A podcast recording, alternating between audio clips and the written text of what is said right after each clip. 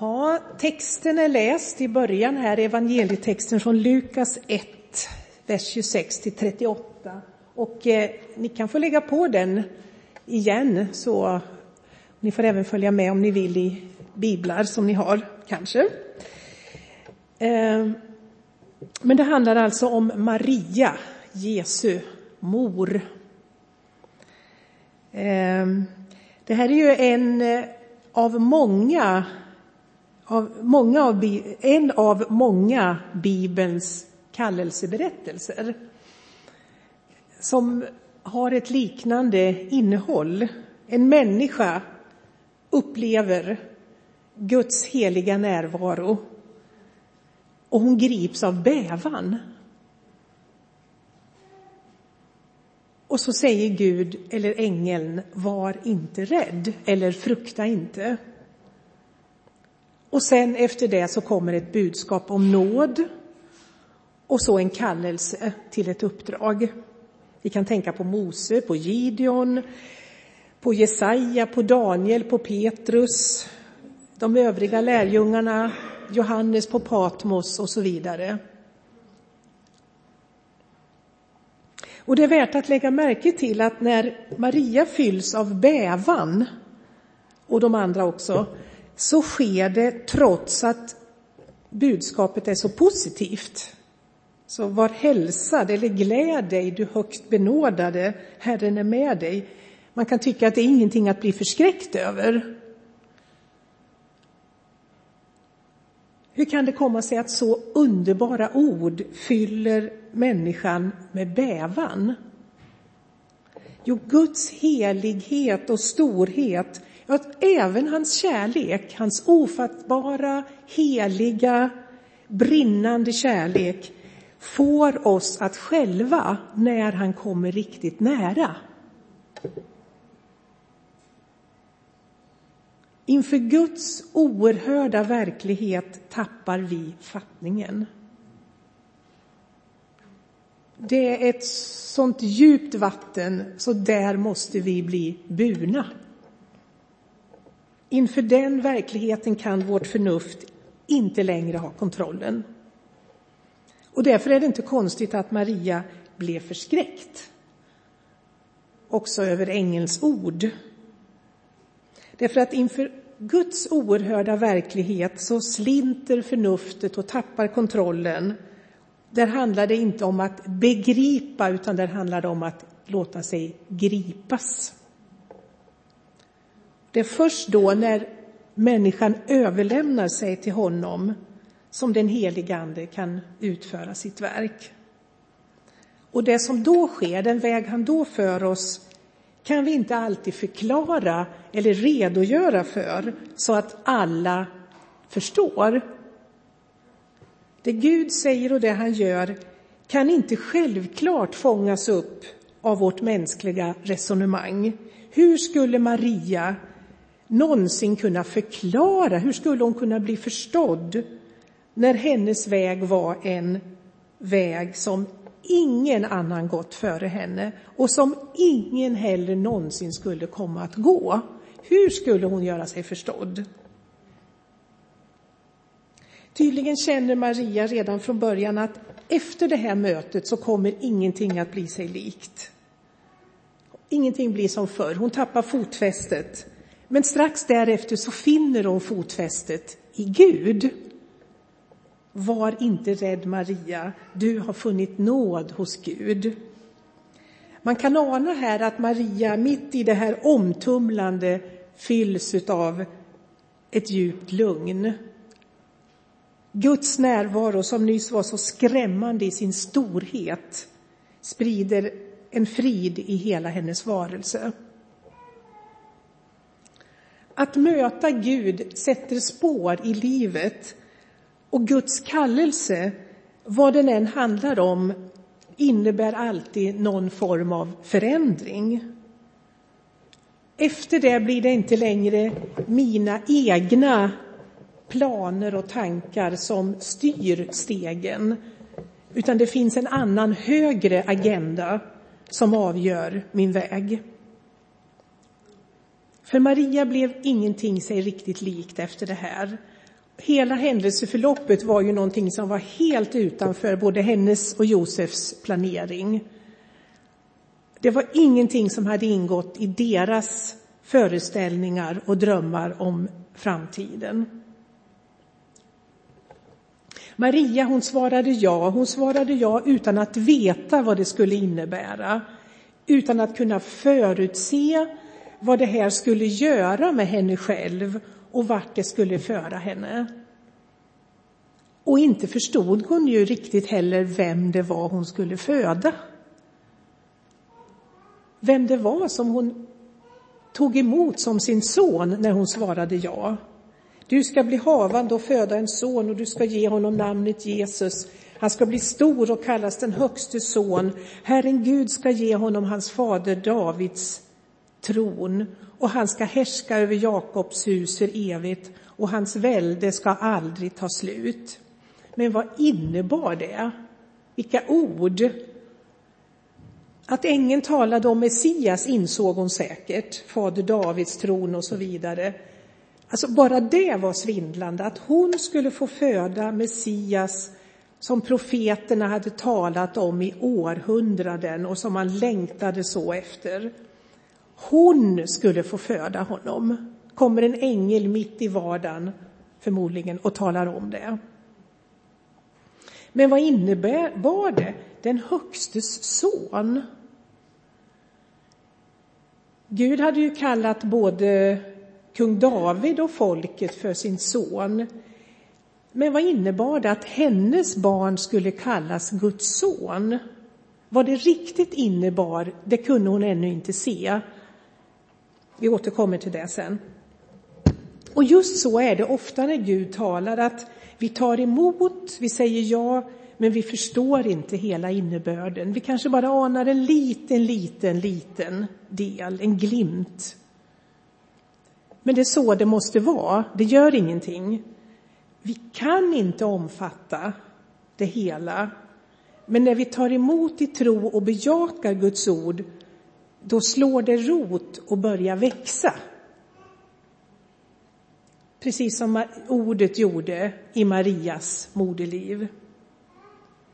Och då besannas orden i Jesaja 55. Mina planer är inte era planer och era vägar är inte mina vägar, säger Herren.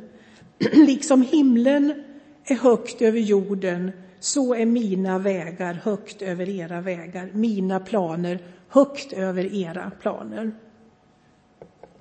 Det var ju så att i det judiska sammanhanget, som där Maria lever, där fanns det definitivt ingen, och inte något annat ställe heller för den delen, men det fanns ingen som någonsin skulle kunna drömt om detta, att Gud föds som människa. Men på ett sätt så var det en, en ännu mer omöjlig tanke i judiska sammanhang. Därför att Gud var ju den upphöjde, han var en.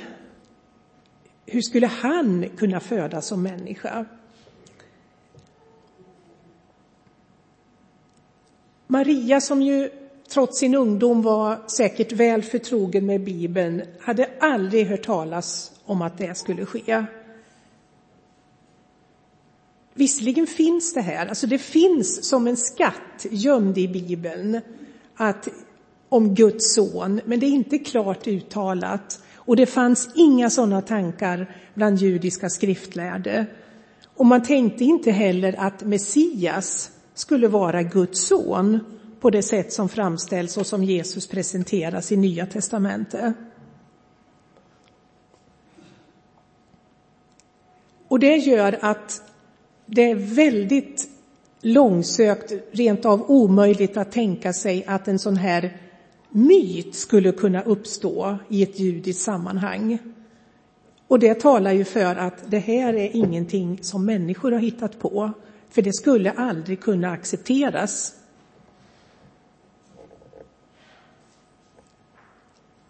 Jesajas ord om Guds annorlunda vägar avspeglas också i det som ängeln säger om Elisabet. Hon som sades vara ofruktsam är nu i sjätte månaden. Hon som sades vara. Hon som sades vara, det är det mänskliga perspektivet. Men Gud hade andra tankar och andra planer och de var han redan i full färd med att förverkliga. För Elisabet var redan i sjätte månaden. Gud låter sig inte begränsas av mänskligt förnuft och mänskliga tankar. Maria, hon svarar ja utan att veta vad det kommer att leda till och med fältet öppet för människors misstolkningar och till och med för människors förakt. Men hon svarar ändå ja i tro. Därför att hon litar på Gud. Tro, en viktig sida av tron, det är ju tilliten till Gud. Må det ske med mig som du har sagt. Må Guds ord slå rot i mig. Och när Maria på det sättet säger ja, då släpper hon kontrollen över sin framtid. Och så blir hon själv indragen i Guds egen räddningsplan för sin skapelse på ett sätt som hon aldrig någonsin kunnat drömma om. Marias kallelse var helt unik. Men ändå så är ju hennes liv mönstret för oss alla som vill tro. Alla som på något sätt vill bli indragna i Guds räddningstjänst för den här världen. Och det avgörande är att vi säger ja, likt Maria, att vi är villiga att bli redskap för den heliga Ande. Hur ska detta kunna ske, undrar Maria omtumlad. Hur ska det kunna ske när de naturliga förutsättningarna saknas? Och det här finns också i de andra kallelseberättelserna. Moses hade ju sin invändning, jag är ingen talför man, det går inte Gud. Eller Jeremia, jag är för ung. Och Petrus, han kände sig för syndig. Gå bort, Herre. Det är många av oss som ibland har undrat, Herre, gick du inte till fel person? Eller som det heter i en sång, Herre, vad tänkte du på när du kallade mig? Jo, han tänkte sina egna tankar, inte våra tankar. Och Maria hade ju sin högst relevanta invändning. Jag har ju aldrig haft någon man. Hur ska detta kunna ske? Och ängeln svarar utan att diskutera, helig ande ska komma över dig. Det liv som Maria skulle få ge till världen var andens verk. Inte genom någon människas styrka eller kraft ska det ske, utan genom min ande, säger Herren. Anden är det som verkar, men anden behöver redskap. Jag är Herrens tjänarinna, må det ske med mig som du har sagt. Och så överlämnar Maria sitt självbestämmande, sin vilja till Gud. Till överlämna sig till hans större tankar, hans större planer. Men det betyder ju inte att Maria är en ur mänskligt, socialt perspektiv en undergiven kvinna. Hon är ingen blek figur. Tvärtom, hon är stark, hon är modig. Hon går in under ett oerhört ansvar när hon säger ja till att föda och ta hand om, uppfostra Guds son. Och hon gör det trots att mycket av hennes eget står på spel. Och hon gör det utan att rådfråga med Josef. Bara det är ju tänkvärt. Och inte heller med, rådfrågar hon sin mamma. Utan här förstod hon att här var det den högsta viljan som redan hade sagt sitt. Så det var ingen idé att rådfråga Josef eller mamma. Maria är mönstret för alla som vill tro, alla som vill tjäna Gud. Inte så att vi inte ska rådfråga våra närmaste, det är inte det. Men att lyssna till Guds ord, att säga ja till Guds ord. Och därför kan hon också ses som en förebild för församlingen. församlingen, det är ju det folk som har svarat ja på Guds kallelse. Och församlingen är, precis som Maria, kallad att bära Guds liv in i den här världen. Att bära Kristus förkroppsligad in i den här världen. Inte genom vår mänskliga kraft, utan genom ordet som vi tar emot och som Anden gör till kött och till kropp i våra liv. För att världen ska få se. För att grannar, arbetskamrater, släkt och vänner och andra som vi möter ska få ana den här Kristusdoften.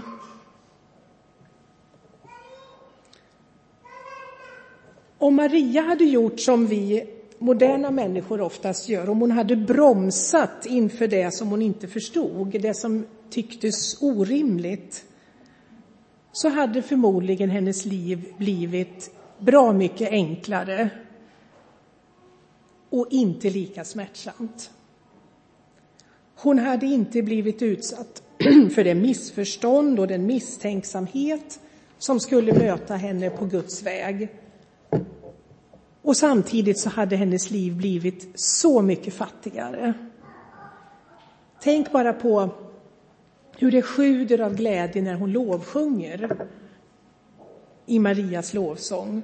Och tänk vilken glädje Jesus som son måste ha gett till henne som mor. Guds kallelse i våra liv är en källa till glädje, men den är ingen försäkring mot smärta, mot missförstånd och komplikationer. Utan tvärtom, Guds kallelse är alltid förknippad på något sätt med ett kors, också i våra liv. Och därför får ju Maria lite längre fram här i händelseförloppet en hälsning, en profetisk hälsning om svärdet som skulle genomborra också hennes själ. Och tids nog så skulle hennes smärta bli ofattbar. Det kan vi inte förstå. Tänk att stå där vid korset och se sin son som hon älskade så och som var förknippad med sådana löften och som hon fått på ett sånt här sätt. Tänk att stå där och se honom förkastad av folket, föraktad, genomborrad, torterad. Vilket kors för Maria också. Det där visste hon ingenting om nu, den här bebådelsedagen. Men ändå, jag tänker den första smärtan på hennes kallelseväg var väl kanske den här, hur skulle hon kunna berätta? Hur skulle hon kunna berätta det här? Vem skulle förstå? Och Josef, vad skulle han säga? Vad skulle, hur skulle han reagera när hon kom och berättade att hon var gravid? Hur skulle hon kunna förklara?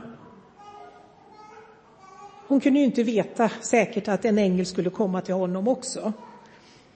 Vad skulle hända med deras relation? Och sen skulle hon bli ensam. Skulle hon ensam få ta hand om det här barnet?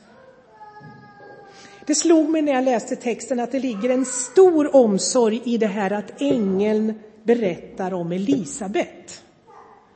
Att han talar om för den unga Maria var hon kan finna stöd i sin utsatta situation. Så gott för henne att få höra att en äldre släkting har fått varit med om också ett omtumlande under. Visserligen inte lika osannolikt, men ändå. Och kanske var den saken en hjälp för Maria när hon vågade säga sitt ja. För det är då, efter ängelns ord om Elisabet, som hon säger, jag är Herrens tjänarinna, ske med mig som du har sagt.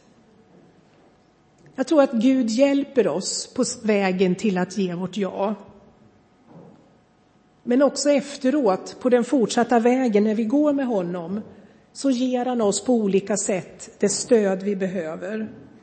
Och det händer på vår kallelses väg att vi får möta en Elisabet, en medmänniska som har gått vägen före oss och som vi kan bolla med, som vi kan dela våra tankar och erfarenheter, vår smärta och våra frågor med.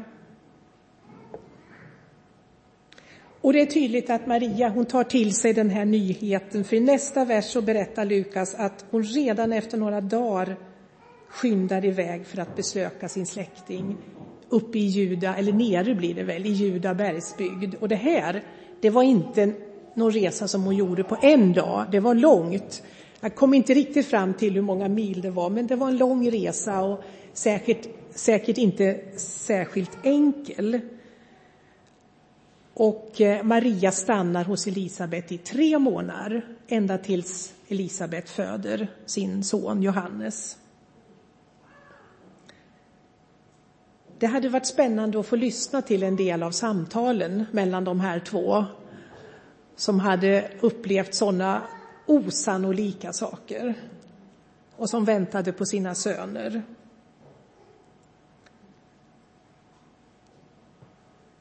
Och vi förstår att det var en ömsesidig välsignelse.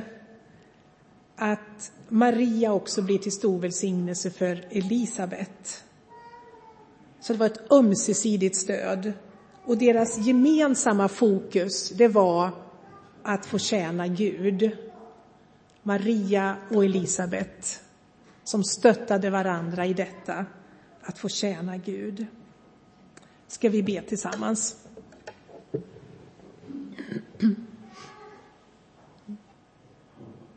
Tack Herre, tack för heligande som överskuggade Maria, som vilade över Maria.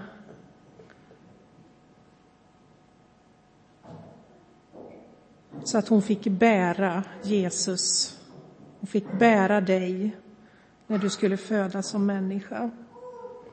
Tack helige Ande att du också ruvar över oss, att du vilar över oss med din heliga Ande. Så att ditt liv kan födas i oss och så att vi kan få bära dig ut i världen. Ditt liv kan bli synligt. Inte genom någon människas styrka eller kraft, utan genom din Ande ska världen få se Jesus genom församlingen, genom våra liv. Hjälp oss till vårt ja, vårt fortsatta ja till dig hela tiden. Även när vi inte förstår, även när vårt förnuft helt och hållet tappar fattningen. Så hjälp oss att lita på dig och att våga vårt ja. I Jesu namn. Amen.